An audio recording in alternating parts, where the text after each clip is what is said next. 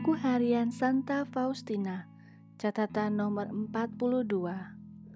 Pernah pada hari Natal, aku merasakan kemahakuasaan dan kehadiran Allah menyelubungi aku. Dan sekali lagi aku melarikan diri dari perjumpaan batin dengan Tuhan. Aku minta izin kepada muder superior untuk pergi ke Josephinek untuk mengunjungi suster-suster di sana. Mudar superior memberi kami izin, dan kami mulai berkemas-kemas langsung sesudah makan siang. Suster-suster yang lain sudah menunggu aku di pintu biara ketika aku lari ke kamarku untuk mengambil mantolku. Dalam perjalananku kembali, ketika aku melewati pintu kapel kecil, aku melihat Yesus berdiri di ambang pintu. Ia berkata kepadaku, Pergilah tetapi aku mengambil hatimu. Tiba-tiba aku merasa bahwa aku tidak mempunyai hati di dalam dadaku. Tetapi para suster mengolok-olokku bahwa aku berat hati untuk pergi. Sambil berkata bahwa saatnya sudah terlambat. Maka aku buru-buru pergi bersama mereka tetapi suatu perasaan tidak nyaman menyelubungi hatiku, dan suatu kerinduan yang aneh menyerang jiwaku. Meskipun tidak seorang pun tahu apa yang sedang terjadi dalam diriku, kecuali Allah. Sesudah kami tiba di Yosephinek, baru beberapa menit, aku berkata kepada para suster, "Mari kita pulang." Para suster minta sekurang-kurangnya istirahat sejenak, tetapi hatiku tidak tenang. Aku menjelaskan bahwa kami harus kembali sebelum hari gelap, dan karena jarak yang harus kami tempuh agak jauh, serta merta kami berangkat pulang. Ketika mudar superior berpapasan dengan kami di lorong biara, ia bertanya kepadaku, "Apakah suster-suster ini belum berangkat, atau malah sudah kembali?" Aku berkata bahwa kami sudah kembali karena aku tidak ingin kembali di petang hari. Aku menanggalkan mantolku dan langsung pergi ke kapel kecil. Begitu aku masuk, Yesus berkata kepadaku, Pergilah ke mudar superior dan katakan kepadanya bahwa engkau kembali bukan untuk sampai di rumah sebelum gelap, tetapi karena aku telah mengambil hatimu. Meskipun hal ini amat sulit bagiku, aku pergi kepada mudar superior dan aku mengatakan kepadanya terus terang alasannya sesungguhnya, mengapa aku begitu cepat kembali. Dan aku minta maaf dari Tuhan atas segala sesuatu yang telah tidak menyenangkan hatinya. Maka Yesus memenuhi hatiku dengan sukacita yang besar. Aku mengerti bahwa lepas dari Allah tidak ada kepuasan di mana pun. Catatan harian nomor 43 Sekali peristiwa, aku melihat dua orang suster yang hampir masuk ke neraka. Kesakitan yang sulit diungkapkan mencekam jiwaku.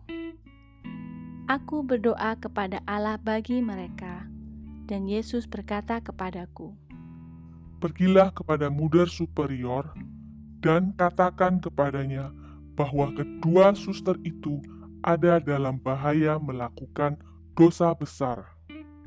Keesokan harinya, aku menyampaikan hal ini kepada mudar superior. Satu dari mereka sudah sungguh-sungguh menyesal, sedangkan yang lain sedang bergulat hebat. Catatan harian nomor 44 Pada suatu hari, Yesus berkata kepadaku, aku akan meninggalkan rumah ini. Sebab di sini ada hal-hal yang tidak menyenangkan hatiku. Sebuah hosti keluar dari tabernakel dan hinggap di tanganku. Dan aku dengan penuh sukacita mengembalikannya ke dalam tabernakel. Kejadian itu terulang untuk kedua kalinya dan aku melakukan hal yang sama. Kendati hal itu terjadi lagi untuk ketiga kalinya. Tetapi Hosti itu berubah menjadi Tuhan Yesus yang hidup yang berkata kepadaku, Aku tidak mau tinggal di sini lebih lama lagi. Pada saat itu, secara mendadak, suatu cinta yang membara terhadap Yesus muncul dalam jiwaku. Aku menjawab, "Dan aku, aku tidak akan membiarkan engkau meninggalkan rumah ini, Yesus." Maka Yesus pun menghilang sementara. Hosti itu tetap berada di tanganku. Sekali lagi aku mengembalikannya ke dalam Sibori dan menutupnya di dalam tabernakel. Dan Yesus tinggal bersama kami. Aku berusaha melaksanakan tiga hari adorasi penyilihan. Catatan harian nomor 45 Sekali peristiwa, Yesus berkata kepadaku, Katakan kepada Muder Jenderal bahwa di rumah ini sedang terjadi hal ini dan hal itu yang tidak berkenan kepadaku dan sangat menggusarkan hatiku. Aku tidak langsung menyampaikan hal itu kepada Muder, tetapi ketidaknyamanan yang dibiarkan Tuhan terjadi di dalam hatiku tidak memungkinkan aku menunggu lebih lama lagi. Dan aku langsung menulis kepada Muder Jenderal dan damai kembali ke dalam jiwaku. Catatan harian nomor 46 Aku sering merasakan sengsara Tuhan Yesus dalam tubuhku.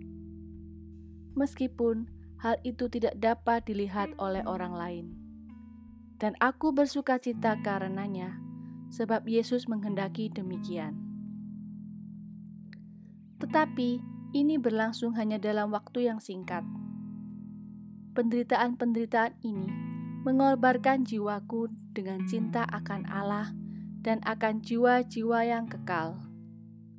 Cinta menanggung segala sesuatu. Cinta lebih kuat daripada maut. Cinta tidak takut akan suatu pun. 22 Februari 1931